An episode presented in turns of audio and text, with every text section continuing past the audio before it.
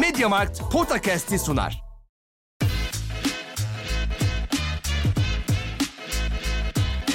Potakast. Kaan Kural ve Orkun Çolakoğlu'yla NBA gündemine haftalık bir bakış.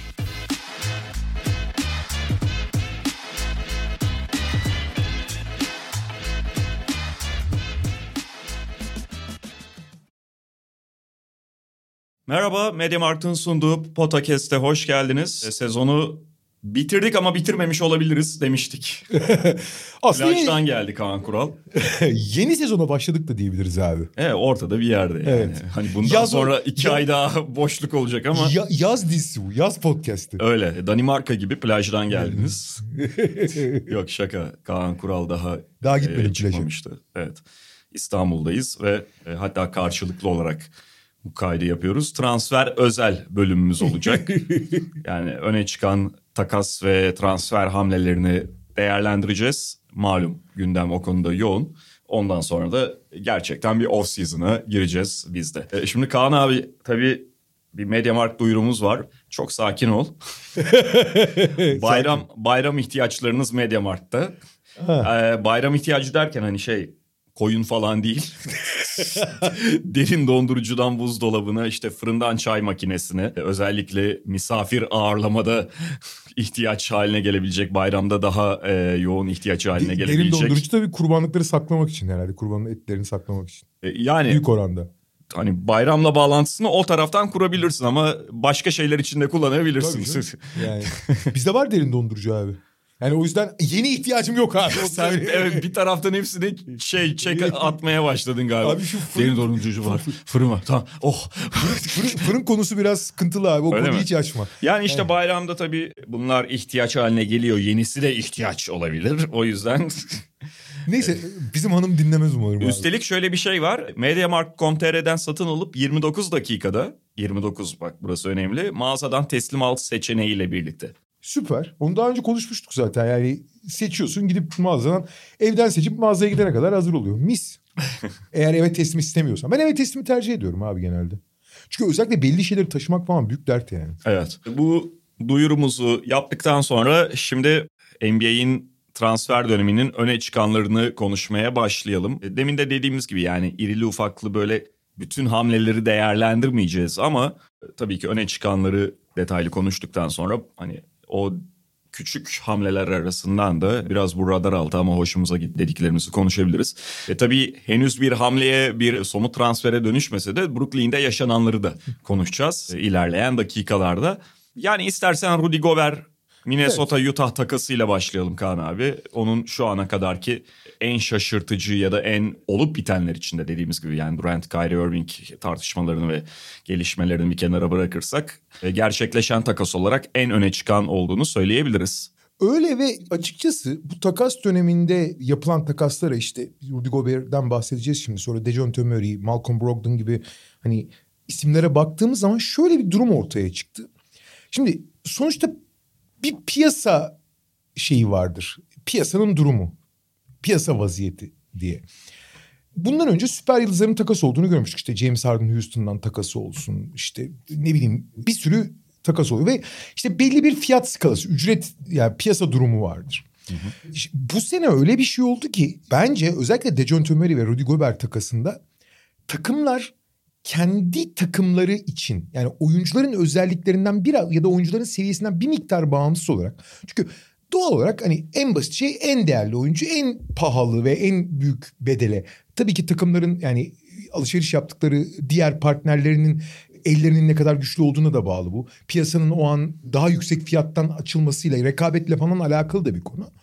Fakat en doğal sıralama işte en iyi oyuncuya en yüksek bedeli verirsin. Yani parası olarak değil işte pik ve işte genç oyuncu olarak hiyerarşi gider. Fakat takımların kendi hedefleri doğrultusunda ve özellikle belli bir yani başarı miktarı yakalamış ve bir üst seviyeye çıkmak isteyen takımların tabii ki süper yıldızlar alınsa işler daha da farklı olabilir ama süper yıldız sınıfında olmasa da hedef belirledikleri oyuncular için çok yüksek bedeller ödeye- ödeyebileceklerini gördük.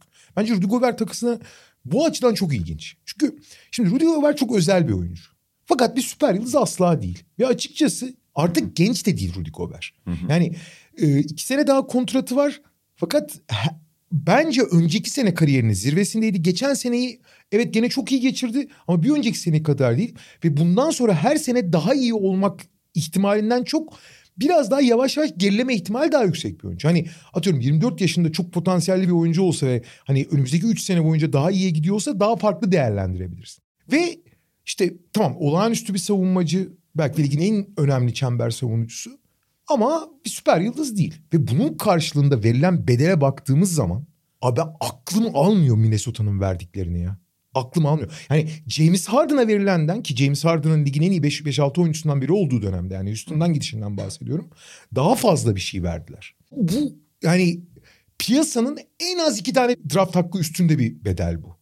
Ve verdikleri draft hakları çok önemli abi. Dört tane birinci tur draft hakkı veriyor. Üçü korumasız. Yani o korumasız hakların ne olacağı, nerede bitecek? Tabii o zaman rekabetçi olmayı bekliyor Minnesota. Bu hakların çok da iyi olmamasını bekliyor. Ama bilemezsin abi. 2029'da ilk 5 korumalı bir hak var. 2029'a kadar uzuyor bu haklar. Bir, Walter Kessler bu sene seçtikleri adam o da birinci tur seçimi. Daha hiç oynatmadı. 6 tane birinci tur hakkı vermiş oldular. Evet. Ve Malik Beasley ve şey gibi Patrick, Patrick Beverly gibi tamam Hatta Vanderbilt. hatta Vanderbilt e, gibi yani rotasyon oyuncusu olabilecek 3 tane de oyuncu verler. Ben inanamıyorum bu bedeli ödediklerine. Yani evet yüksek bir bedel kuşkusuz özellikle dediğin gibi yani Harden gibi yakın örneklerle ve genel olarak hani bu tip oyuncuların piyasasıyla değerlendirildiğinde. Fakat ben Minnesota tarafından baktığımda yani şey yaptıklarını düşünmüyorum. Bir riske girdikleri kesin ama anlamsız bir şey yaptıklarını ne bileyim bunu karşılayamayacak ederi bu olmayan bir oyuncu için böyle asetleri masaya attıklarını düşünmüyorum ve yani dediğin gibi bir şey bilemezsin. Her şey olumsuz da gidebilir ama o kadar fazla olumsuzluk olmadığı müddetçe verdikleri bu draft haklarından e, işte 2023, 2025 e, özellikle ilk iki tanesinin o kadar da kıymetli şeyler olmayacağını. Mesela bunun benzerini şimdi Danny Ainge bağlantısı da yapabilir zaten. Danny Ainge şu anki Boston takımında yıllar önce Garnett Pierce takasıyla ve buna benzer bir takasla birlikte oluşturmuştu ya da ilk adımlarını öyle atmıştı. O Boston'ın sürecine baktığımızda hatırladığımızda onlar da ilk yıllarda mesela çok şahane draft hakları elde edemediler. Üstelik Pierce ve Garnett'le Nets aslında beklediği kadar da iyi olamamasına rağmen. Garnett'le Pierce'ın cesetleriyle oynamış. Evet yani Nets hiçbir zaman öyle fırlayıp gidemedi. E, Belli bir noktaya kadar çıkabildi. Buna rağmen mesela Boston Celtics'in o draft haklarından çok da fazla şey elde edemediğini görüyoruz. Ondan sonra işte Jalen Brown'lara, Jason Tatum'lara gelindiğinde Boston Celtics yani üzerine o e, şeyi temel bir şey inşa edebileceği oyuncuları bulmaya başladı. Şimdi burada da 2023 2025 bunlar Utah açısından kıymetsiz değil onu söylemiyorum ama Minnesota tarafından bakıldığında e, Rudy Gobert gibi bir oyuncu eğer kadronuza katılıyorsa verilmeyecek şeyler de değil. Evet sonrası uzuyor yani 2027 işte sadece ilk 5 korumalı bir 2029 o gerçekten çok kıymetli hale gelebilir. Ve dediğin gibi yani Rudy Gobert bugün bir süper yıldız mıdır sorusuna muhtemelen hayır dersiniz. E, fakat Rudy Gobert'in son 2 yıldaki Utah'ın e, playoff başarısızlığıyla birlikte tanımlanmasını da ben Gobert'e yanlış bakış olarak e, değerlendiriyorum. Yani bunu tabii ki sen söylemedin ben genel olarak kamuoyunda yavaş yavaş böyle bir şey oluşmaya başladığı için söylüyorum. Çünkü Minnesota'nın Rudy Gobert tipi bir oyuncuya ihtiyacı vardı. Ve Minnesota artık biraz yani başka bir savunmacı, e, başka tipli bir savunmacı olmadan savunmasını tam anlamıyla iyi seviyeye getiremeyeceğini gördü. E, Memphis serisinde çoğunlukla daha iyi gözükmesine rağmen işte rebound gibi şeylerle ne kadar e, dezavantaj yaşadığını ve eline elinde gözüken bir seriyi verebildiğini gördü, verdiğini gördü. Bunları kapatması gerektiğini gördü. Artık Ober onlara farklı anlamlarda da yani savunma değil sadece hücumda da belli şeyler katabilir. E, ve bence parça olarak asetleri bir kenara bırakalım, verdiklerini bir kenara bırakalım. Bence parça olarak biraz genel olarak konuşulandan daha fazla oturuyor bu takıma Rudy Gobert. Ben de işte o yüzden başta öyle dedim. Yani hedef olarak belirledikleri oyuncuya fazla bedel ödemekten çekinmediler. Ve gerçekten hedef olarak belirlemişler. Çünkü şimdi baktığı zaman Minnesota kendini değerlendir. Bu arada yeri gelmişken şeyi de söyleyelim. Yeni takım satın alan sahiplerin çok agresif olup çok istekli olduklarını görüyoruz. Biraz evvel deneyince örneğini verdin. O zaman da Prokhorov yeni işin başına geçmişti. Nets'in. Nets'in ve Tabii. hani takım bir an önce rekabetçi olsun diye her tür takası yapıyordu. Bu Rene Div başa geldiğinde Sacramento'da yaptı. Bu da benzer bir durum. Minnesota'da yeni takım sahipleri var. Fakat şöyle bir şey var. Şimdi Minnesota takıma bakıyor diyor ki Carl Anthony Towns zaten maksimum kontrat aldı. Anthony Edwards bu takımın temeli bu iki oyuncu. İşte D'Angelo Russell da en azından hani kontratı itibariyle o merkez parçalardan biri olmak zorunda. Hiçbir yere veremezsin onu yani. Kimse almak istemiyor. Ve bu takımla ne yaparsak yapalım belli bir savunma seviyesinin üzerine çıkamıyoruz. Biz işte sezon geçe, sezon başında biraz trapli savunma denediler. O normal sezonda tuttu ama bir vermiyor. Ve abi savunmanın da tamam her par yani savunma bir takım işi. Fakat en önemli şey çember savunuculuk. Ve Carl Anthony Towns bütün iyi niyetine rağmen ki bu sezon gerçekten çok iyi niyetliydi. Yani elinden gelen her şeyi yaptı. Ama bu işi beceremiyor, beceremeyecek de. Çünkü belki ligin en özel hücumcusu olabilir. Yok içle birlikte diyelim. Ya yok hiç Embiid seviyesinde bir hücumcu kabul edebilirsin onu. Bazı açılardan şut açısından belki de daha iyi. Fakat savunmada korkunç. Zamanlama bilmiyor. Anormal sakar. Ve hani sürekli gedik açtığı gibi ıı, savunma bir şey yapmaya çalıştıkça foul problemi kendini devre dışı bırakıyor zaten. Bu iş olmayacak yani. Hani ve ne kadar iyi niyetli olsun olmayacak. Ve abi çok basit bir şey var. Şimdi Carl Anthony Towns 5 numara 5 numara 5 numara. Abi Carl Anthony 5 numara oynamıyor ki. Carl Anthony hücumda 2-3 oynuyor zaten. Tepede veya köşede top alıp oradan hücum ediyor. Savunma da tabii ayakları fazla güçlü olmadığı için 5 numarada tutuyorlar. Abi biz Carl Anthony Towns'u tam zamanlı olarak 4 ya da 3'e koyalım. 5 numara alalım. Çünkü bir savunmayı 5 numaradan daha iyi toparlayacak hiçbir şey yoktur. Ve Anthony Edwards'ın iş çıkışlarını, D'Angelo Russell'ın, Carl Anthony Towns'un savunma problemlerini düşünürsen Rudy Gobert dışında savunmayı daha yukarı çekebilecek ikinci bir oyuncu da yok dünya, şeyde, dünyada. Ve bu şekilde yola devam etmeye karar verdiler. Bence bu ilginç ama iyi bir teşhis. Evet mesela Rudy Gobert Utah'ta yaşadığı savunma problemine yine yaşayacak. Yani diğer oyuncuların geçirgenliği onun başına verebilir. Ama daha büyük olacaklar. Düşünsene abi Carl Anthony Towns 4, Anthony Edwards 3. İşte ne bileyim Jaden McDaniel ya da Anthony Edwards 2, Jaden McDaniel 3 olduğu zaman hani D'Angelo Russell dışında sahada küçük oyuncu kalmıyor. Herkes çok büyük kalıyor yani. Tabii. Hatta- yani Kyle Anderson. Kyle Anderson, üçe koyarsın. Hiç, yani ki bence o da güzel bir hamle. Çok Evet. mantıklı bir hamle. İkinci bir oyuncu kur- yönlendirici olarak vesaire. Sahada çok büyük kalabilirsin yani. Hani Gober gibi müthiş bir kalecinin yanında çok büyük kalabilirsin. O yüzden bu hedef doğrultusunda yani bu, bu kadroyu daha yukarı çıkarabilecek yani atıyorum Yanis'i alamadığın sürece Gober'den daha hedef bir oyuncu belirlememişler. O açıdan da nasıl bir deney olacağını göreceğiz ama bence doğru bir hedefe yöneldiler. Ben bunun söylediklerine kesinlikle katılmakla birlikte hücum tarafından da bir şeyler söyleyeyim abi. Mesela biraz önce bahsettiğim konu Rudy Gobert hücumda da bir şeyler verebilen bir oyuncu. Tabii, tabii. Yani bunu Utah'ta da gösterdi zaten. Evet kendisi direkt bir skorer olmayabilir. Switch'i cezalandıramayabilir. Çok fazla cezalandıramayabilir. Ya da işte hiçbir zaman yüksek sayı ortalamalarıyla falan oynamadı. Ama o saplanma tehdidi şey değil. Azımsanacak bir şey değil. Yani etrafındakilere bir şeyler açıyoruz. Utah'ın zaten o şut e, yükselişi biraz bununla başlayan bir durumdu. Bununla birlikte şimdi Minnesota'da da tam anlamıyla böyle bir tehdit yoktu. Towns çünkü oyunu öyle oynayan bir oyuncu değil. Ve öyle olmadığında da bu fazla olmadığında da sonuçta sürekli olarak şimdi penetre eden oyuncuların var mı? Minnesota tarafına bakalım. Anthony Edwards dışında o oyunun açıldığında alanları değerlendirebilecek kaç tane oyuncu var? Çok fazla yok bence. Yani Bence. oyunun açılması evet sağlıklı bir durumdur ama Minnesota'da bundan fayda sağlayabilen kaç tane oyuncu var? Tersine Rudy Gobert gibi savunmayı vakumlayabilen bir tehdit olmayınca dışarıdaki baskı biraz, rakiplerin dışarıya baskısı artabiliyor. Ve mesela Gobert'i oraya koyduğunda yani sadece bunun için yapmadılar tabii ki hamleyi ama D'Angelo Russell gibi oyuncuların fayda sağladığını görebiliriz bunda. D'Angelo Russell'ın biraz daha anlamlı hale geldiğini, verimli hale geldiğini görebiliriz. İşte zaman zaman Anthony Edwards'ın hatta Carl Anthony Towns'ın yani senin söylediğin gibi genelde dışarıdan oynamayı tercih eden, dışarıda topu alan bir Carl Anthony Towns'ın. Oraya öyle bir parça koymak gerçek anlamda hani hiç top almasa bile sürekli devrilerek o tehdidi sağlayabilecek bir Rudy Gobert'in varlığını sağlamak bence çok şeyi açabilir Minnesota hücumunda. Öyle de onu doğru düzgün besleyecek pek oyuncusu yok Minnesota'nın öyle bir sorun var. Ama şöyle bir şey de var abi. Yani yani evet sürekli olarak Rudy Gobert be- besleyecek bir oyuncuları yok. Fakat mesela D'Angelo Russell şey bu tip bir uzunla daha anlamlı hale geliyor gerçekten. Yani besleme anlamında da o devrilen uzun arıyor orada. Çünkü şey kendi penetre edemediğinde ya da savunma zaten gel bakalım hani bu sanki çok penetre edeceğin gibi savunma yaptığında D'Angelo Russell'a ne pas kanalı açılıyor ne penetre şeyi oluyor. Bu çok daha hani ikili oyun anlamında da daha doğal seçenekleri olan bir kadro haline geldi Minnesota'da. Ya şöyle bu kadroyu maksimize etmek için Gobert iyi bir oyuncu ama Gober'le yakalanan maksimizasyon bu kadronun maksimizasyonu da nereye kadar? O da ayrı bir tartışma. Yani bütün geleceği ipotek etmeye değer mi bu kadro? Değeceğini düşünmüşler gördüğümüz kadarıyla. Oralar biraz soru işareti ama. Yani Utah tarafından baktığımızda onlar açısından söyleyecek bir şey yok. Bir sürü şey ele geçirdiler. Zaten o takımın sıfırlanacağı çok belliydi yani. Royce O'Neal da bu arada Nets'e yolladılar birinci tur draft hakkı karşılığında. Çok ilginç bir takas. ya şey ya geriye o çekirdekten zaten İngiliz serbest bırakılmış sakatlandıktan sonra. Geriye Mike Conley, Donovan Mitchell, Boyan Bogdanovic kaldı. Boyan Bogdanovic kontratının son senesinde mutlaka deneyince onu da bir yere göndermeye çalışacaktır özellikle takas döneminde. Mike Conley çok yaşlandığı için belki talibi çıkmayacaktır. Hani bir sene daha kontratı onun bundan sonra. Ama onu da takasla yollamayı çalışacak.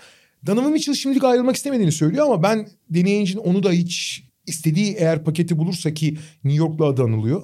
Hiç tutacağını zannetmiyorum. Yani Utah'ın iki Utah'ın önceki sene bir penceresi vardı.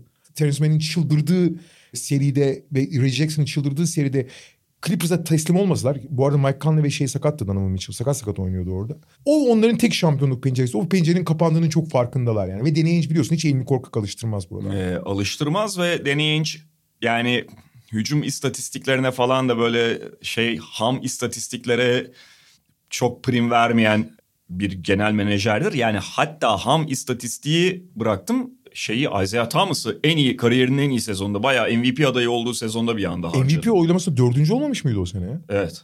Evet. Yani. Ve koç olarak da Quinn Snyder ayrıldıktan sonra mesela tecrübeli bir koç değil Will Hardy'yi getirdi. Boston'daki Aynen. asistanı Tam getirdi. bir Brad Stevens benzeri hamle. Aynen zaten eski Boston genel menajeri olduğu için Will Hardy'yi de çok iyi biliyordu.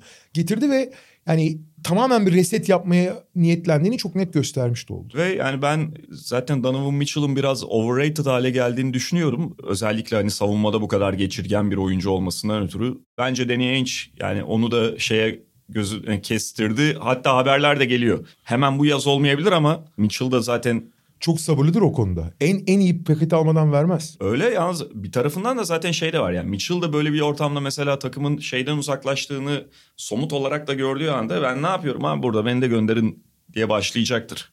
Peki neyle devam edelim? Buradan Dejounte Murray ile devam edelim. Çünkü Olur. bence de mesela aynı durum benzer bir durum Dejounte Murray'de de var. Hı hı. Mesela Drew Holiday takasıyla çok paralel bir takas bence bu. Yani bir hamleyle daha hani Drew Holiday biraz daha şeydi ne derler hani belki biraz daha üst düzey bir oyuncuydu Dejounte Murray'den ama biraz daha yaşlıydı. Dejounte Murray 25 yaşında daha.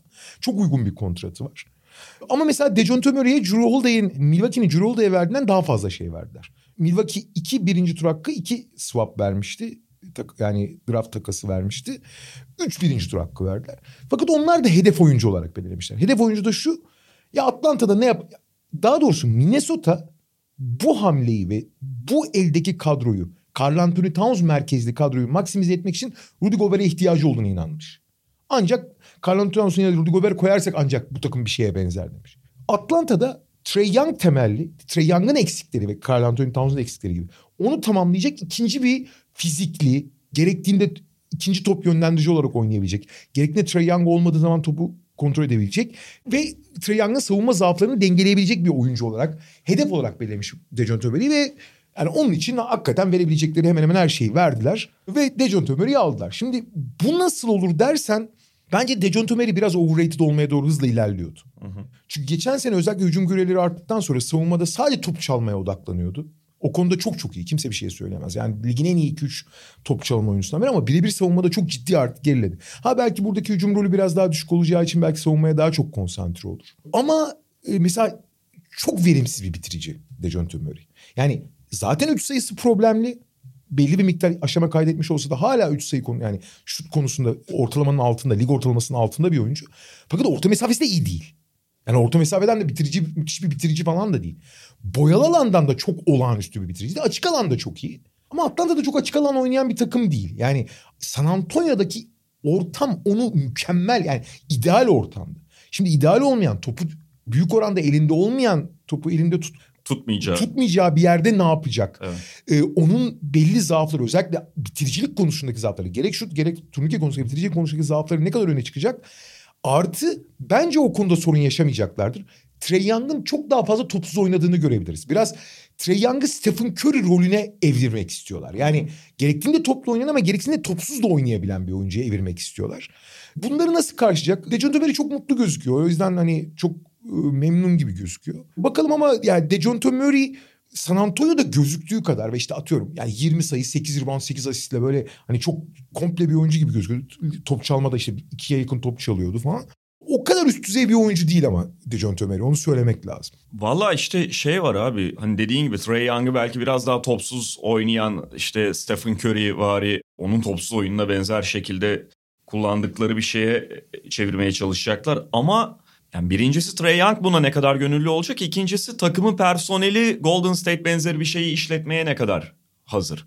Ve yani senin de belirttiğin şey bence buradaki en kritik nokta. Ben mesela çok soru işaretiyle bakıyorum. Yani Dejo, top Trey Young'ın elindeyken ki sonuçta hala ağırlıklı olarak Tabii canım. öyle olacak. Birlikte sahada olduklarında diyeyim. Dejounte Murray'nin rolü ne olacak? Ya Yani- işte biraz Tyrese Maxey gibi topsuz kat yapan işte bu genelde ikili perdeyi çok seviyorlar. ya, iki uzundan perde getiriyorlar. O iki uzunun perdesinin ters tarafından topsuz girecek ve öyle yani topsuz kat olacak falan herhalde ya. Çünkü şutör değil abi alanı kapatır. İşte onu yani sonuçta Tyrese Maxey hücumda bütün üretimini oradan sağlamıyor. Tyrese Maxey bir çok hızlı topla penetre edebiliyor. İki çok iyi bir şutör Evet. Tyrese Maxey. Yani İyi bir şutöre dönüştü bu sene. dönüştü ama yani çok iyi bir şutöre dönüştü. Çok kapı açabiliyor biliyor bu. Şimdi Dejounte Murray öyle bir şut gelişimi yaşamadığı müddetçe gerçekten Trey Young'ın topu yönlendirdiği hücumlarda rol bulunması kolay bir oyuncu değil. Değil değil. Yani şeyi anlıyorum evet Trey Young'ın yanında işte savunma tarafı mesela şey de önemli. Trey Young'a genellikle en ufak oyuncuyu vermek durumunda kalıyorsun ama DeJounte Murray kimleri savunacak? Tamam DeJounte Murray daha iyi- çok daha iyi bir savunmacı falan ama DeJounte Murray de çok fizikli şey bir savunmacı değil. Bugün ne- hani o star kanat oyuncularının karşısına direkt koyabileceğin bir oyuncu değil. Tamam belki orada Hunter gibi seçeneklerin var ama kimi savunacak? Ya teorik olarak şöyle bakıyor. Yani Atlanta. Ya bu takım hiç savunma yapamıyor. Trey Young ligin en kötü savunmacısı. Hakikaten en kötüsü yani. Hani belki bir iki vardır daha kötüsü ama en kötülerden biri. Bunun etrafını nasıl çözüyorsun? Abi işte dış oyuncuları DeAndre Hunter ve Dijon Murray savunacak. John Collins'le Capela da iç ve işte Collins'le orta mesafede. Şimdi bunların hepsi ortalama üstü ve iyi savunmacılar aslında. DeAndre Hunter geçen sene hiç yapmadı ama normalde yapabiliyor biliyorsun. Dijon Murray de geçen sene az yaptı ama yapabiliyor biliyorsun. Aha. Capella sakat da o yüzden çok verimsizdi ama onun iyileşeceğini olmazsa o Kongu'yla oynayacağını düşünüyorum. Böylece ligin en kötü savunmacısının yanına dört tane artı savunmacıyla bir şey yaparız diye bekliyorlar. Bu teoride iyi ama abi bunların hepsi gidip gelip şeye dayanır tamam? Bak mesela Minnesota'da o konuda bence sorun yok. Chris Finch çünkü bu eldeki malzemeden ortalama üstü bir verim almayı başarır. Abi Nate McMillan'ın hiç böyle bir şey yapma ihtimali yok ya. Ha, hala bak hala stagger screen oynayacak. Göreceksin. Bu iki, iki tane iki uzunun perde getirip Dejounte Murray'nin tamamen boş yani saçma sapan yerlerde durduğu falan hücumlar. Savunma koordinasyonu işte. Çünkü Trey Young'ı avlamaya çalışacak hücumları. Onları nasıl saklayacağı falan paternleri konusunda ben hiç güvenmiyorum Nate McMillan'a. Yani o dümdüz basketbol oynatır çünkü. Yani dünyanın ama NBA'in şu andaki en ilkel koçu çünkü. Aşırı disiplinli bir de. Yani şimdi disiplin bazı yerde iyidir ama modern basketbolda disiplin dediğin şey sadece işte eğitim çavuşu gibi olmakla olmuyor. Yani teorik olarak anlıyorum. Minnesota'daki kadar olmasa da burada da bir mantık var. İşte Trey Young'ın yanına uzun ikinci top yönlendirici olabilecek savunma ağırlıklı. Eyvallah. Ama abi iyi de niye alanı sıkıştırdın? Şimdi John Collins fena bir üçlükçü değil ama üçlükçü demezsin ona. Şut atıyor ekstradan. E DeAndre Hunter çok istikrarsız. Dejounte böyle kötü. Clint Capela'nın alakası yok şutla e, smaç dışında. İyi de abi o zaman Trey Young'ın nasıl alan yaratacaksın yani? San Antonio tarafına baktığımızda yani onlar da zaten işte istedikleri tipte bir şey yaptılar. San Antonio'nun Bunlar şey... full resete döndüler ya. Z- evet ve yani San Antonio'nun zaten böyle bir şey yapacağı belliydi. Yani Dejounte Murray ile ilgili mesela bu sene çok böyle işte All Star olmalı bilmem şöyle falan filan konuşmaları yapılırken San Antonio onu daha içeriden ve yakından tahlil eden şey- organizasyon olarak yani tamam iyi oyuncu da bizi çok fazla bir yere götürmez kararına varmıştı ki yaşı da ilerledi bir yandan Dejounte Murray'nin. Yani yaşlı oyuncu değil de artık genç oyuncu kategorisinde de yer almıyordu. Mesela şeyde de tabii ki Dejounte Murray seviyesinde olmasa da Lonnie Walker'da da aynı kararı verdiler ve hani e, çıktılar o yoldan. Artı sene ortasında da Derek White'tan da çıkmışlardı. Aynen aynen yani e, Derek White de işte zaten 27 yaşına falan gelmişti. Dolayısıyla hani San Antonio bu genç oyuncu çekirdeğiyle bir yere gidilemeyeceğini buradaki gelişecek oyuncu varsa da Dejounte Murray'nin falan daha bundan sonra çok fazla ileriye gitmeyeceğinin kararını bence doğru olarak verdi. Hani Vassell'le falan nereye gidebil O da birinci oyuncu değil belki ama onlarla devam edelim ve biz buradan sonra zaten başka bir sayfa açacaksak, başka bir döneme gireceksek draft'tan gelecek bir oyuncuyla bu olacak şeyini Victor. Wembanyama. Yani adını telaffuz etmeseler de bu istekleri bu olsa gerek. Bu arada ge- gelecek sezonki draftta sadece Wembanyama yok. Scoot Anderson falan gibi gerçekten çok üst düzey. Yani 2023 draftı, 2023 draftı çok yüksek potansiyeller barındırıyor. İstersen Christian Wood'la devam edelim. Hı hı. Bir anda aklıma o geldi. O da zaten draft öncesinde plan bir hamleydi. Mesela orada da belki Houston Rockets'la alakalı olarak işte Christian Wood'a karşılık daha fazla şey alabilmeleri bekleniyordu. Daha fazla şey almaları bekleniyordu ama öyle olmadı. Çok da hani daha önce telaffuz edilen cinsten şeyler almadılar. Ee, Aynı bir an şey, aynı şey Jeremy Grant için de geçerli. Yani doğru evet. bir sene boyunca takas etmeye çalışıp beklentileri işte iki, yani bir genç oyuncu bir draft hakkı işte iki draft hakkı falan filan derken bu oyuncuların piyasasının hiç buraları olmadı. Birazdan Malcolm Brogdon'dan da bahsedeceğiz. Hani oyuncuların takımlar hedef belirlemediği sürece oyuncuların senin zannettiğinden çok daha değersiz. En azından uzun vadeli işte draft hakkı gibi konularda o kadar değerli olmadığını da gördük. Nasıl Gober ve Dejounte de bizim beklentilerimizden daha önce oluşan piyasanın çok üzerinde bir karşılık getirirken Jeremy Grant, Christian Wood ve Malcolm Brogdon örnekleri de tam tersi yönde e, göster. Hani hedef belirleyen takım yoksa piyasada kimse abi madem piyasada alalım demiyor yani. Öyle ve tabii Houston'da şey de vardı. Yani şimdi Christian Wood hani biraz göz alıcı ya da böyle kayda değer istatistiklerle oynamış olabilir ama Houston onların biraz da boş kalori istatistiği olduğunu biliyordu. Zaten takımın hali de ortada. Oyuncunun savunma yapmaya niyetli olmadığını görüyordu. Artı oyuncu soyunma odası problemine de dönüşmeye başlamıştı. Yani bu anlamda muhtemelen Houston biz bu adamdan bir şekilde kurtulalım ne alırsak da yanımıza kar kalır diye bakmaya başlamıştı. Çünkü genç oyuncuların olduğu bir takımda Christian Wood gibi adamlar yani soyunma odası problemi haline dönüşmüş olduğundan kendini çok daha iyi oyuncu zanneden oyuncuların ne kadar büyük problem haline ve diğerleri içine kötü örnek haline dönüştüğünü biliyoruz. Ve yaş farkı olan takımlarda Aha. yaşlı oyuncu abilik yapmak yerine kabadayılık yapmaya başlarsa çok daha büyük problem oluyor. Tabii zaten orada patlamaya hazır şeyler var yani Kevin Porter'lar falan Aman başka abi. dertlerle uğraşıyorsun. O yüzden hiç gerek yok. Mavericks açısından ise yani tam şimdi başka bir görüntü var. Christian Wood gibi oyuncular Houston'da saçmalayabilir, yolunu kaybedebilir, kendini olduğundan iyi görebilir. Dallas gibi takımlarda da bir anda böyle kendine gelebilir, silkelenebilir. Yani bu garanti değildir ama bunun çok örneğini de gördük. Orada oyununu törpüleyebilir, oyununu başka bir yere kadar... Mesela atletik bir oyuncu sonuçta Christian Wood ve pekala savunmaya aklını verirse Houston'daki Houston'da öncesinde Detroit'te gösterdiği kadar kötü savunma yapacak bir malzemesi yok. Bir şeyleri daha iyi yapabilir. Hem devrilerek hem dışarıya açılarak Doncic'e iyi bir uzun partneri de olabilir. Yani bu anlamda aslında kağıt üzerinde işte Kleber'le Powell'ı hücum anlamında bir potada eriten bir oyuncu. Her şeyi ama tabii ki kusursuz yapmıyor. Yani şey olarak teknik olarak Dallas'a ne verebileceği ortada. Veremeyebilecekleri de ortada ya da neleri zayıf yaptığı da ortada ama Dallas'ta işte onları yukarıya çekmeyi, geliştirmeyi planlıyor ya da e, umuyor. Valla ben Christian Wood'u ilk çıkış yaptığından beri hiç beğenmiyorum. Yani çok boş kalori oyuncusu. Çok yani anormal. Ama hep kötü takımlarda oynadı işte o da. Ben gene de beğenmiyorum abi. Çok zayıf, devamlılığı düşük vesaire falan. Yani bir sürü sorunu var. Houston'da da ondan kurtulmasını anlıyorum. Fakat 30 takım içinde gidebileceği belki de en iyi hatta tek iyi yere git. Yani sen Dwight Powell, Kleber'in birleşimi dedin. O konuda çok haklısın. Doncic'e inanılmaz bir partner olabilir. Ve kontratının son senesinde olması. Sadece hani Dallas'ta kendine çeki düzen verir diyorsun ya. Aynı zamanda kontrat da çeki düzen verecek abi. Evet. Burada oynadın oynadın oynamadın seneye ne olacağı belli. Yani kariyerinin devamı için de bir şey var. Yaptırım var onun üzerinde. Bence harika hamle oldu yani Dallas için. Belki çok özellikle işin savunma tarafında çok çok şey işleri değiştirmeyecek ama bu beş dışarıda oynamaya çalışan Dallas'ın tam aradığı tipte bir uzun.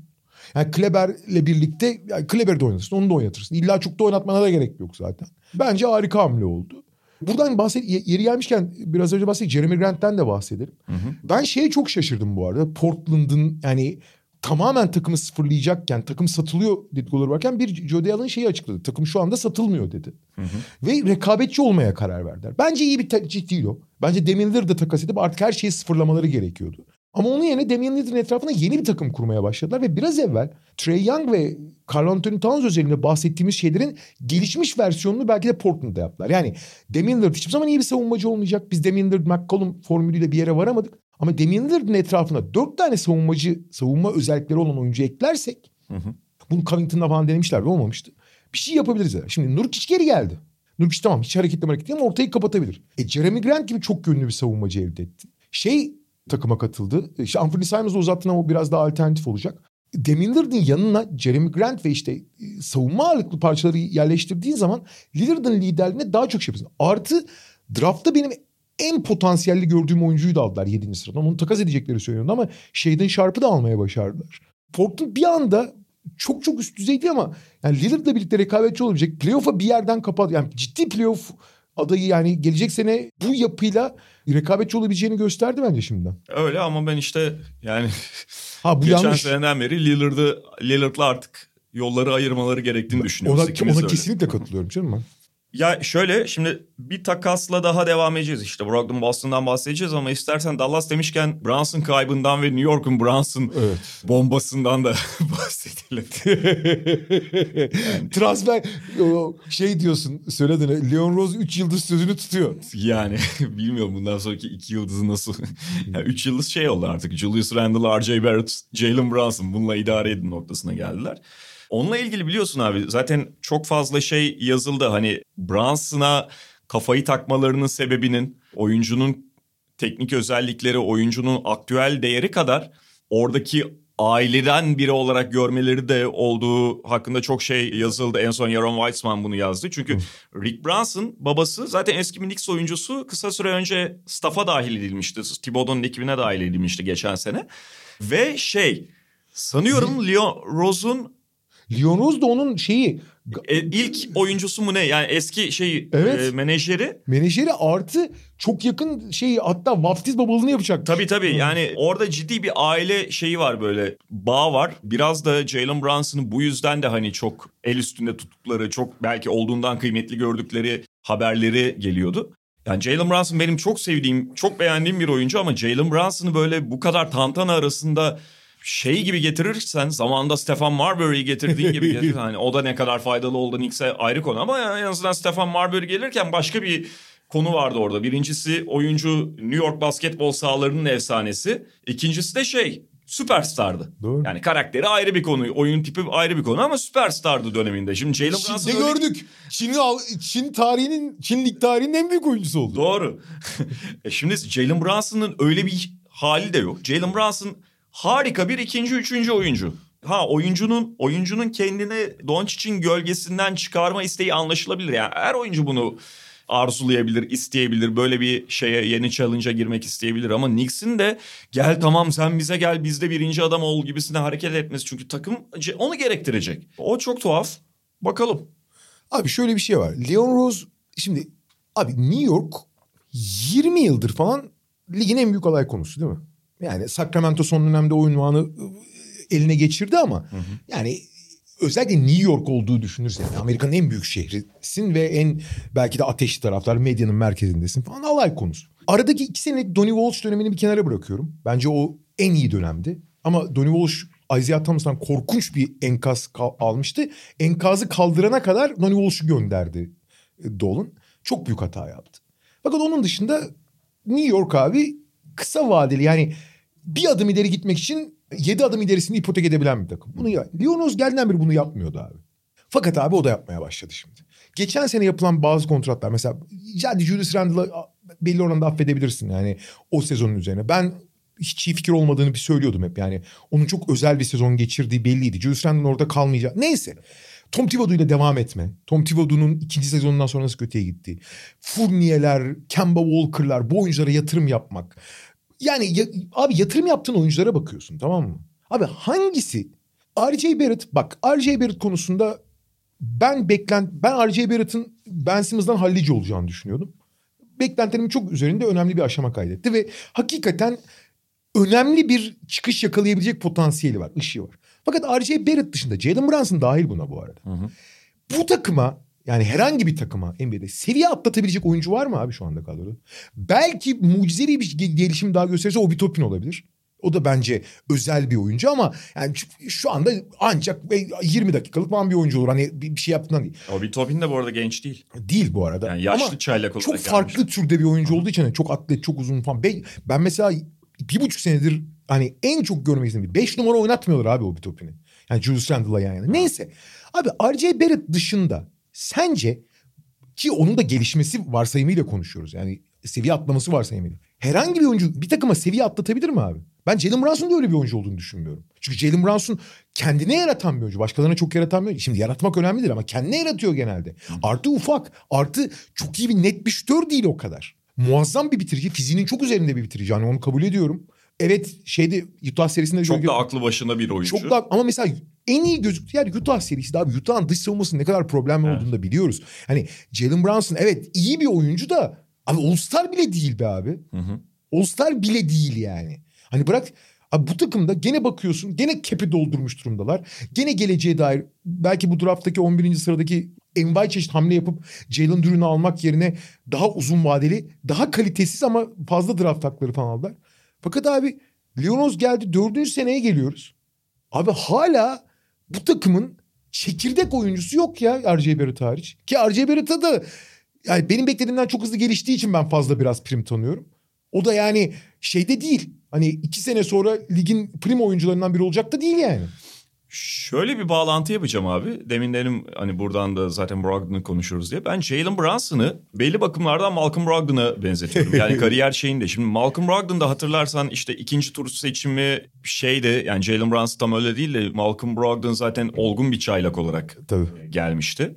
Yılın çaylağı bile oldu be. oldu ve yanlış hatırlamıyorsam 4 yıl kolejde geçirdikten sonra geldi. Yani haddini bilen bir oyuncuyu da çok iyi şut attı falan ve hızlı bir şekilde Milwaukee'de önemli bir oyuncu haline geldi. Milwaukee'nin onu kaybetmesi de ciddi anlamda onlara darbe vurdu. Doğru. Şimdi Dallas da mesela Brunson'ı kaybettiği için çok yara almış olabilir. Evet orada Dinwiddie'yi geçen sene sakasta almış olmaları bir sigorta sağlıyor ama mesela Dragic'i beklerken alamadılar. Çok ilginç. Ve evet şimdiki bu yapı içerisinde yani sürekli iki guardla yani Doncic'in yanında artı birle e, daha doğrusu sahada bulunacakken şimdi orada bir anda şey e, dara düştüler tekrar. Dragic ha- hadisesi de hakikaten çok enteresan. Yani Chicago'ya gitmesi de Chicago gibi aslında kağıt üzerinde o bölgede kalabalığı olan bir Çok takımı, kalabalık hatta. kadroyu tercih etmesi de önemli. Kesin gözle bakılırken kendisini çok isteyen, kendisine ihtiyaç duyan Brunson'ın gidişi sonrasında ve Doncic'in bulunduğu takıma gitmemesi de enteresan. Herhalde başka kontrat beklentilerim vardı bilmiyorum. Brogdon gibi yani Brogdon da mesela Indiana'da bir süre sonra evet e, hani bir şeyler verdi ama sanki olması gerekenden bir kademe yüksek rolü oynamaya çalışıyor gibiydi Malcolm Brogdon'da. Jalen Brunson da öyle gözükecek New York'ta. Bence.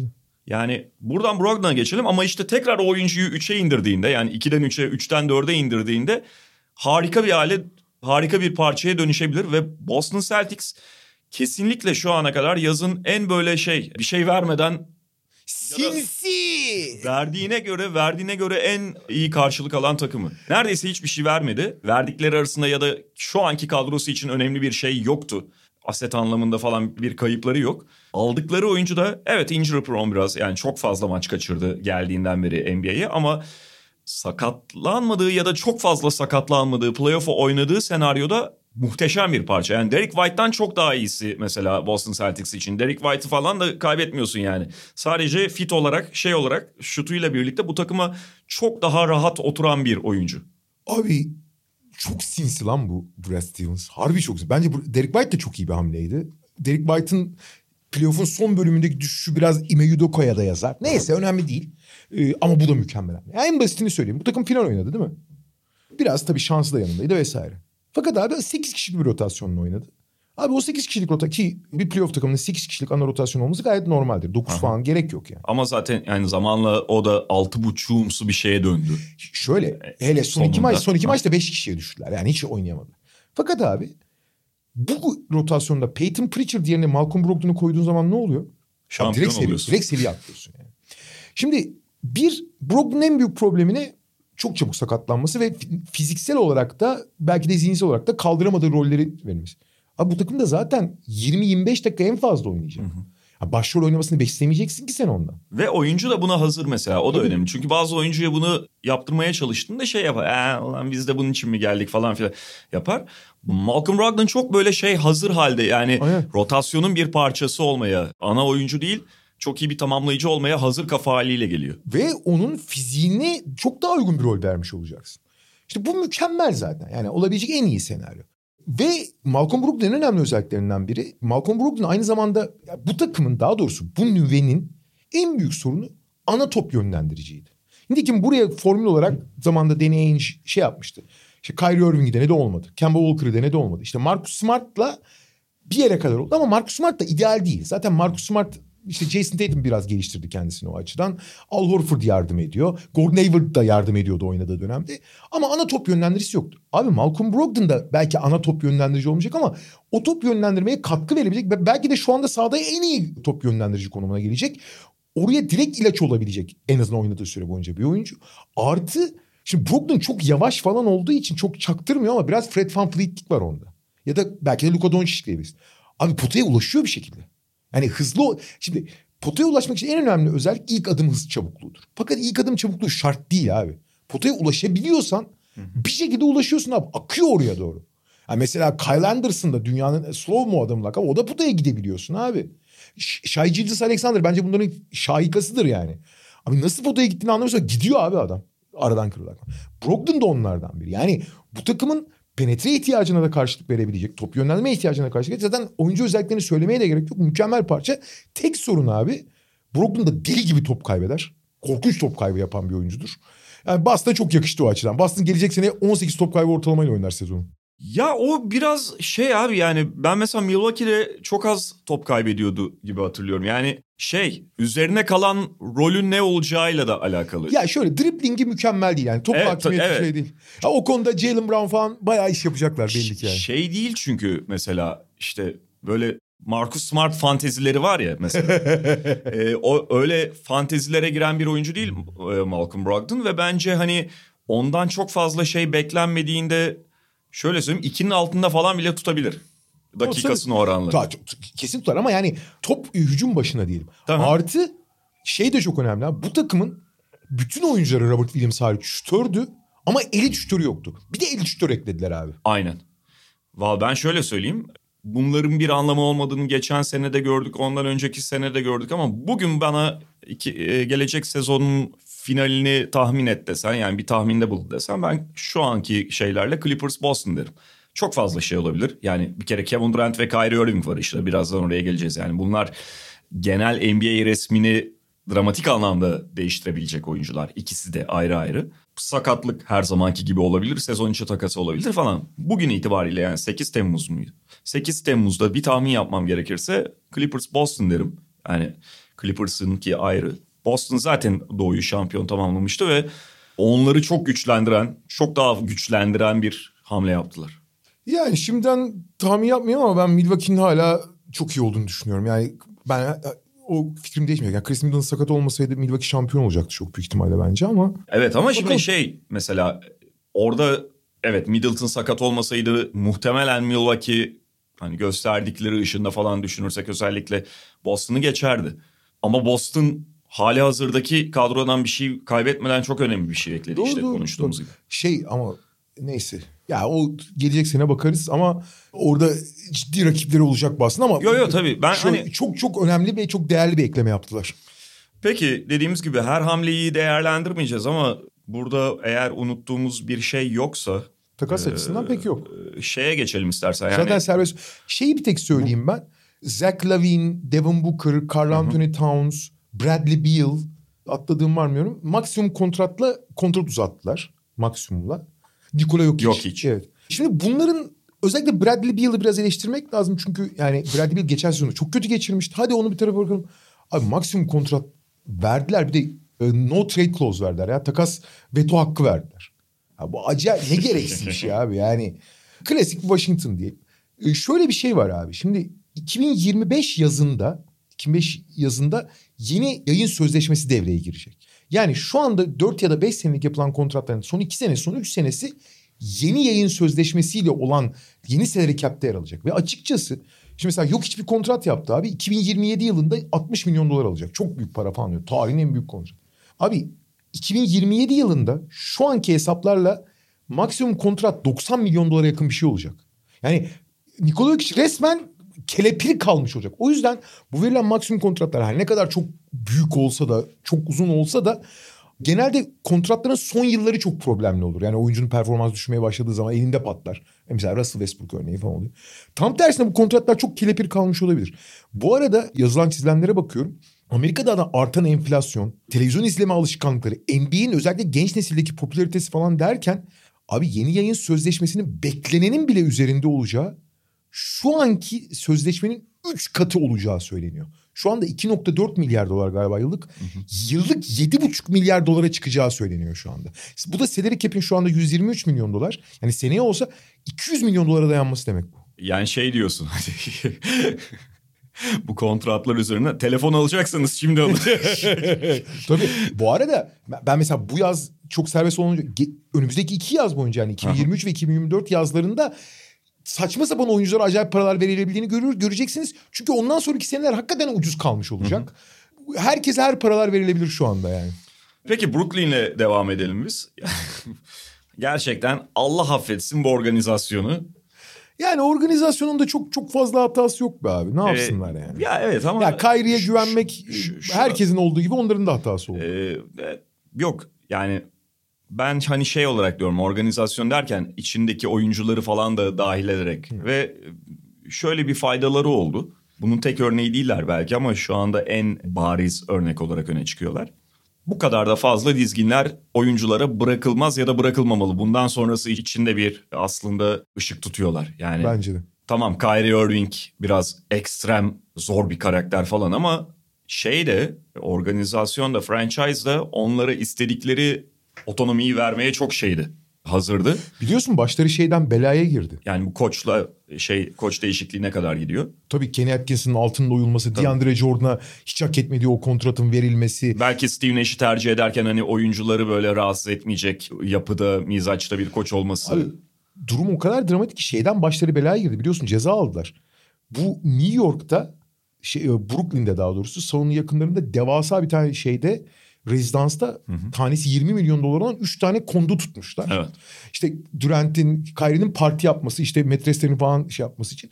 Fakat şimdi bunu yapıyorlar da bu şeye aykırı, salary cap'e aykırı. Hı. Çünkü oyunculara ücreti dışında çok ciddi bir maddi avantaj sağlamak yasak. Tabii. Hani etik tarafını bir kenara bırakıyorum yani. Yani yani e, şey olarak da kurallara da aykırı bir ceza aldılar o yüzden yani. Hani buraya kadar vardırmışlardı işi yani.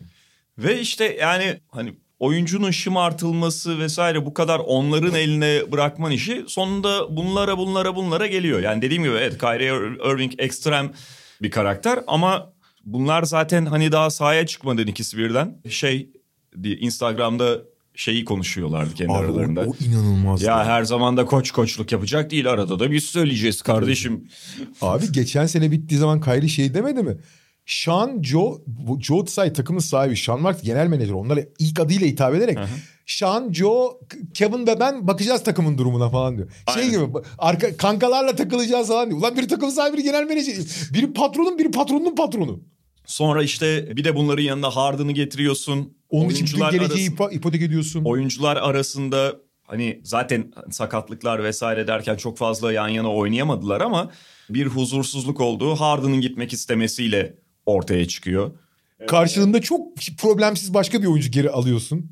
Ve mesela şimdi ha o da daha sahaya çıkmadı. Kyrie Irving şimdi hep şeyle hatırlanıyor şu anda en taze olduğu için bu seneki aşı olmama durumu ve bundan sebeple bu sebeple e, çok fazla maç kaçırmasıyla. Abi geçen sene adam durup dururken bir anda şey kafa izine çıktı. Tabii tabii. Yani bunlar falan da yaşandı. Kafa izni değil sonra Vegas'ta parti yaparken görüntülendi bir sebep belirtmedi. Steve Nash ulaşamıyordu falan. Yani böyle bir saçmalığın deliliğin içindesin. Dolayısıyla da yani ondan sonra tam işte bundan sonra başka bir yola gireceğiz dur bakalım belki huzur buluruz derken önce Kyrie Irving'in etrafa bakınmaya başlaması. Sonra takımda kalır gibi gözükmesi ama Kevin Durant'in yok abi ben gidiyorum çekmesi. Bunlar çok da sürpriz şeyler değil. Yani çok erken bu kopma yaşanmış gibi yaşanıyor gibi gözüküyor belki ama bu oyuncularla her an yaşanabilirdi ve oldu. Ya geçen sene bütün talihsizliklere rağmen çok şanssız. Yani hakikaten şampiyonluğa gidiyorlardı neredeyse ama bu sene hiç öyle olmadı. Yani Durant'in parmakları biraz kısa olsaydı Milwaukee elemişlerdi yani. Aha. yani. Ki şey Kyrie'nin olmadığı Harden'ın tek ayak üzerinde oynadığı bir seriden bahsediyoruz. Joe şeyin Joe Harris'in de olmadı. Çok kötü attığı falan. Neyse.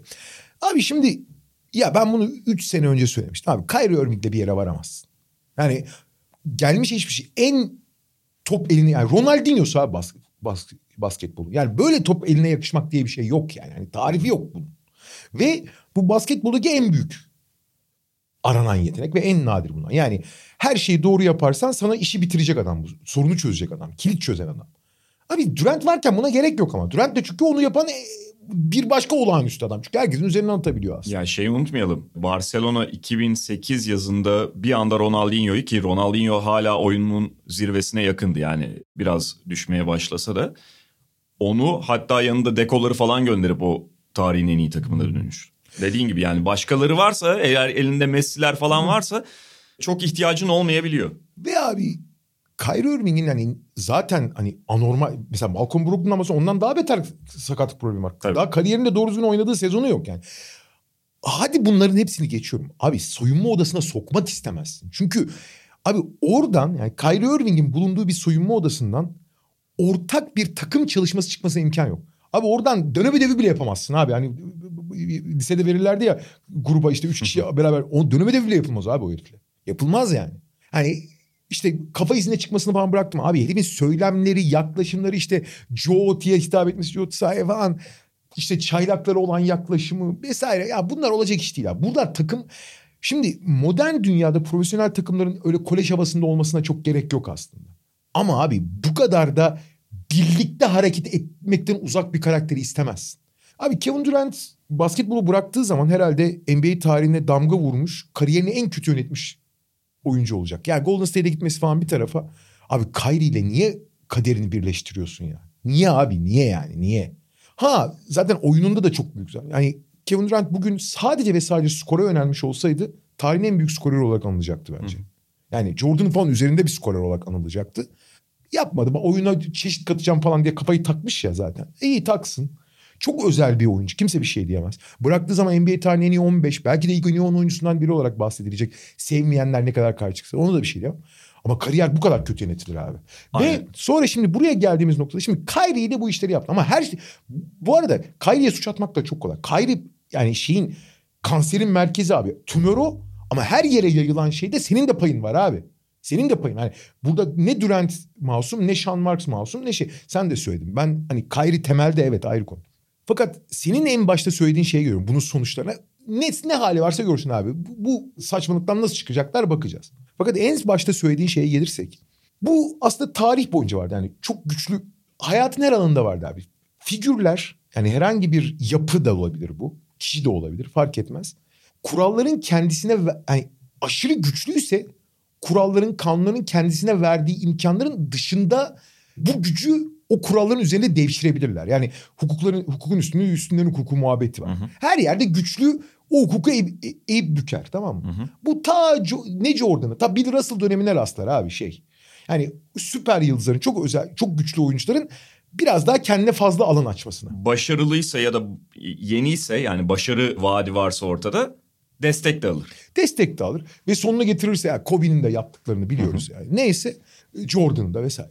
Fakat abi bu 2010'da LeBron'la birlikte yeni bir seviyeye geçmişti. Yani oyuncular işte tamamen takımı bir araya geliyorlar. Genel menajerliğe el atmışlar. Zaten o, o günden beri LeGM deniyor. Yani Aha. ondan sonra LeBron'un olduğu her takımda LeBron bir sürü hamle Sadece LeBron değil ama bu arada. LeBron bunu bir seviye atlattı bu işi.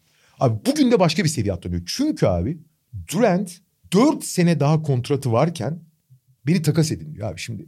Bu artık kontratın tamamen anlamsızlaştı. Abi kontrat dediği şey sözleşmedir abi. Hı hı. Sözleşmek yani. Biz karşılıklı bir sözleşiyoruz. Takım ne diyor? İşte sen şunu şunu şunu yap sana şu kadar para vereceğim diyor. Biz biliyorsun Türkiye'de aksine e, tersine çok alışkınız. Yani o kulüpler sözlerini hiç tutmazlar. Paran kalmaz kardeşim Fenerbahçe'de Beşiktaş'ta muhabbeti yaparlar. Abi tam tersine kulüpler bu sözleşmenin kendilerini bağlayan verdikleri sözleri tamamen tutarken abi oyuncular artık iyice suyunu çıkardı. Abi dört sene daha sen dört senelik söz vermişsin ha gideceğim. Abi böyle şey olmaz yani. Bu artık bir yapı kurmayı imkansızlaştırıyor. Şimdi, şimdi Durant çok ekstrem bir şey yapıyor da abi bu yavaş yani LeBron nasıl burada seviye atlattı ve herkes onu takip ettiyse ondan sonra herkes takımlarını yönetmeye çalıştıysa şimdi bu da abi, bu, bugüne de bir günde gelmedik. Bu Anthony Davis de Carmelo Anthony ile başladı. Bu işin en kontratı devam ederken takasa zorlama konusunda bence eşik atlatan oyuncu Carmelo Anthony'dir. Biliyorsun sahaya çıkıp oynamıyordu. Yürüye yürüye dolaşıyordu. James Harden yaptı daha sonra işte en son üstünde. Anthony Davis yaptı aynısını. Lakers'a giderken.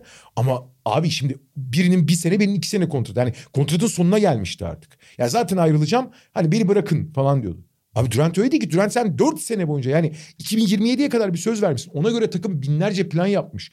Yani ne istedik de vermedik durumu olmuş. İstediğin her şeyi yapmışlar. Sen sonra bari takas edin. Abi böyle şey olmaz yani. Ya işte bununla ilgili olarak artık bir tepki oluşması gerekiyor. Ciddi tepki oluşması gerekiyor. Yani Tepkiden bugün fazla... NBA kamuoyunun en büyük problemlerinden biri bu. Bunlar böyle konuşuluyor, ediliyor işte belli bir ölçüde eleştiri de alıyor belki ama ciddi bir tepki doğmuyor buradan. Ve tepkiden daha önemli bir şey var abi. Bu yaz şey CBA tekrar konuşulacak. Hı hı. Takım sahipleri mutlaka CBA'ye başka belli maddeler getirmek isteyecektir.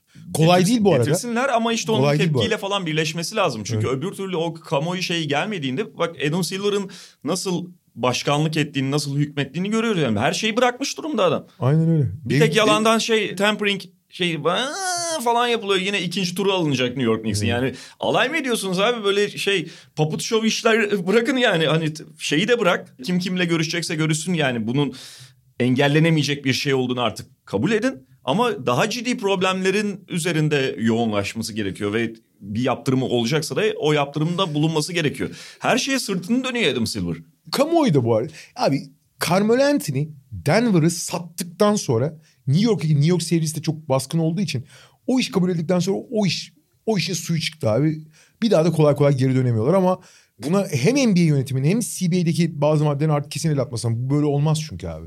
Hakikaten olmaz. Ya ben hani bir bireyle bir kurum karşı karşıya geldiği zaman bireyi her zaman savunurum da Abi burada düzen olmuyor ki. Böyle düzen mi kurabilirsin abi? O zaman isteyen istediği zaman oyuncu istediği zaman istediği yere gitsin. Böyle şey olmaz abi. Düzen kuramaz. Çünkü abi bir, bir çekirdek takımlar genelde doğru yapılan takımlar en azından. Onların da bir sürü hatası var her konuda. 3 yıllık, 5 yıllık, 10 yıllık planları oluyor. Hı hı. Mesela Detroit işte iki sene önce takımı tamamen sıfırladı. Orlando geçen sene sıfırladı. İşte üç sene içinde bir çekirdek kuracağız. Çekirdek. Şimdi çekirdeğini kurmuş bazı takımlar işte Denver'lar vesaire. Bunları nasıl süsleriz? Şampiyon adayı takım, Milwaukee şampiyon adayı takım, Jural'da alalım. Nasıl geliştiririz? Ama 2-3 sene, 5 senelik plan yapıyorsun abi. E bu, bu plan ortada kaldı. Şimdi abi bak Durant gitti diyelim. Abi bütün geleceğini ipotek ettin sen. Her şeyi Houston'a verdin. Aynen. Yani nasıl bir kendine geleceksin, toparlayacaksın? Yani nereye gidecekler onu göreceğiz. Bu arada tabii bir tane daha bilinmez de DeAndre Ayton. Evet. Yani o da çok önemli bir oyuncuydu Phoenix'in hani gidişatında. Ama söylenen o ki çok ciddi takım. Ya bir zaten motor çok düşük bir oyuncu. Yani o takımın atmosferi içinde Devon Booker'ın özellikle onu itmesi sayesinde çok iyi gözüküyordu. Bence çok özel bir tarafı var. Ben onu pivotların Stephen Curry'si gibi görüyorum. Yani çok ufak bir yumuşak bir dokunuş falan var ama sürekli böyle aheste aheste oynayarak bir yere varamayacağı gibi soyunma odasında da problem yaratıyor. Abi Monty Williams'la kavga etmiş ya. Monty Williams'la kavga eden adam ya hakikaten ya, dünyada kavga edebileceğin son koç o yani. Aynen ve şeyken yani hani bunun işaretlerini sahada vermiyorken e, öyle bir şeyin ortaya çıkması gerçekten şaşırtıcı. Ben de mesela ilk o takım içerisinde bir huzursuzluk kaynağı olduğu haberlerini görünce ve işte Monty Williams'ın da tamam yollayın şeyi yönetime söylediğini duyunca çok şaşırmıştım. Niye olsun böyle bir şey yani öyle bir oyuncu gibi gözükmüyor. Monty Williams zaten o tip bir koç değil. O noktaya gelinmesi hayli enteresan. Yine de bir dönüşü belki olabilir Phoenix açısından. Yani hmm. emin değilim. Çünkü şey de var yani mesela işte Kevin Durant Phoenix'i istiyor haberleriyle birlikte şeyler konuşulmuştu. Tamam işte Aiton'u Bridges'la falan bağlarlar. Fakat gördüğüm kadarıyla mesela Nets ya da okuduğum kadarıyla diyeyim Nets o kadar da Aiton'a meraklı gözükmüyor. Yok istemiyorlar. Zaten Claxton'ı bağladılar. Kontratı Aynen. da verdiler. Şöyle Aiton'a maksimum verip sign and trade yapacaklar. istemiyorlar o parayla. Yani o paraya Aiton'u istemeyiz diyorlar yani göreceğiz hani Kevin Durant nereye gidecek. Kyrie Irving zaten kafayı Lakers'a takmış durumda. Lakers da şey hani LeBron zaten istiyor da Lakers'ın da biraz şey hali var. Mesela işte demin bahsettiğimiz konulardan ötürü sen de söyle yani Kyrie Irving'le bir yola çıkılmaz. Bu şu anda 26-27 takım için çok ciddi anlamda geçerli. Yani hakikaten Ka- aman abi Kyrie Irving uzak dursun. Lakers kendini geçen sene öyle bir batağın içine soktu ki. yani Bu arada biraz Christian Wood durumu var yalnız. Yani Christian Wood 29 takım için soru işareti olur. Dallas için çok iyi diyoruz ya. Kyrie'nin de belki de gidip verim verebileceği tek. Çünkü abi, Evet. abi LeBron var ya. Aynen LeBron, öyle. LeBron olması sayesinde yani Kyrie'den verim alacaksın ancak oradan alır, orada alırsın. Öyle ve dediğim gibi yani Lakers'ın zaten hani mevcut içine kendini Denize düşen durumdan- yılana sarılır dediğimiz. Aynen öyle bir durum söz konusu ve hani o yılanla nereye varacaksın belli değil ama başka bir çaren yok abi. Doğru. Başka bir şey yok. Seni kurtarabilecek bir ihtimal yok. İstersen şeyle kapatalım Kaan abi dediğimiz gibi hani Ufak ufak, hamleler şey. arasında böyle dikkatimizi çeken ne vardı? Vallahi ben Dante DiVincenzo Golden State hamlesine bayıldım abi. Evet. DiVincenzo ideal bir Golden State oyuncusu. Yani topsuz oynayabilen, toplu oynayabilen, şütör, yer değiştirerek oynayan falan. Gene detay hamle olarak çok iyi iş yaptılar. Sevmediğim hamlede Marvin... Abi Marvin Bagley'e niye 3 yıl kontrat verir abi Detroit? Şimdi tamam geldi fena da bir şey yapmadı. Ucuz maliyetle tutabilirsin. Ama 3 yıl hem de yılda yaklaşık 9 milyon dolar niye veriyorsun abi? Ha, takım olarak da şeye çok ilginç bakıyorum ben Sacramento'ya yine. Abi şut- takımın şütör problemi var der. Şütör problemini çözdüler. Bir sürü şütör aldılar. Fakat sıfır yani Devin Mitchell dışında sav- savunmada artı değer katan oyuncu kalmadı kadroda. Çok enteresan takım ya. Çok acayip. Yani sadece free agentlardan mı söylüyoruz takas? Ben Takasla da söylüyoruz. D'Anthony Melton Sixers. Aa çok e, evet müthiş müthiş müthiş. Yani Sixers için gerçekten çok hani PJ Tucker falan konuşuldu daha çok ama Melton daha onlara direkt katkı verebilecek bir oyuncu. Tucker da önemli ama D'Anthony Melton olağanüstü oldu bence. bunun dışında şöyle bir göz gezdiriyorum unuttuğum bir şey. Ya var bir sürü ufak tefek. Şeyi beğenmedim. DeAndre Jordan Denver. Abi Yani- onun beğenilecek nesi var ki zaten? Ama o işte şey yani muhtemelen bunu John Allinger da yazmıştı. Yani tamamen para vermeme yani lüks vergisini mümkün olduğunca kısma maksatlı olarak yaptıkları bir şey. Çünkü minimum kontratlar arasında şey tamam abi DeAndre Jordan'ı getirin diye baktılar. Abi şöyle söyleyeyim G League'deki herhangi bir pivotu alsan DeAndre Jordan'dan kötü olmaz. Öyle öyle. Bu şey kaça gitti mesela? O, o da minimuma gitmedi mi Lakers'ın aldığı Damian Jones? Minimumdan biraz fazla galiba. O Bayern Yılda mı öyle bir şey gitmiş olabilir. Olabilir. Bu arada Demin Jones fena oyuncu. İyi oyuncu abi o. Bence- Yani şey iyi oyuncu derken e, iki yıl yani aldığı role göre iyi bir oyuncu. Mesela Sacramento'nun onu yakından gören takım olarak onu kaybetmesi de enteresan ama işte Sacramento Sacramento, olunca çok da enteresan olmuyor. Kyle Anderson'dan biraz önce bahsettik. Yani o çok ufak bir hamle de değil zaten belki ama Minnesota açısından gayet mantıklıydı. Ee, Sezon başında bakarız abi kadrolar tam olarak yapılandığı zaman. Aynen tekrar bakarız. Şimdilik durum bu. Ee, bu defa tam kapatıyoruz. Artık Evet. iki ay kadar yokuz. Ekim'e, Ekim'de görüşürüz. Evet. Ee, gelecek sezon artık oraya kadar bu Kevin Durant, Kyrie Irving meseleleri de herhalde çözülmüş olur. Bir Hepsini şekilde çözülür. Bu arada son halini Nets takas etmek zorunda değil. Durant'i tutabilirler zaten.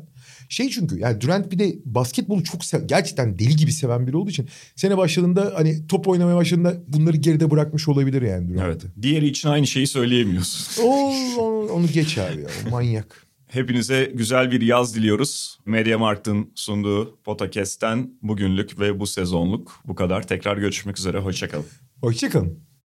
Mediamarkt Podcast'i sundu.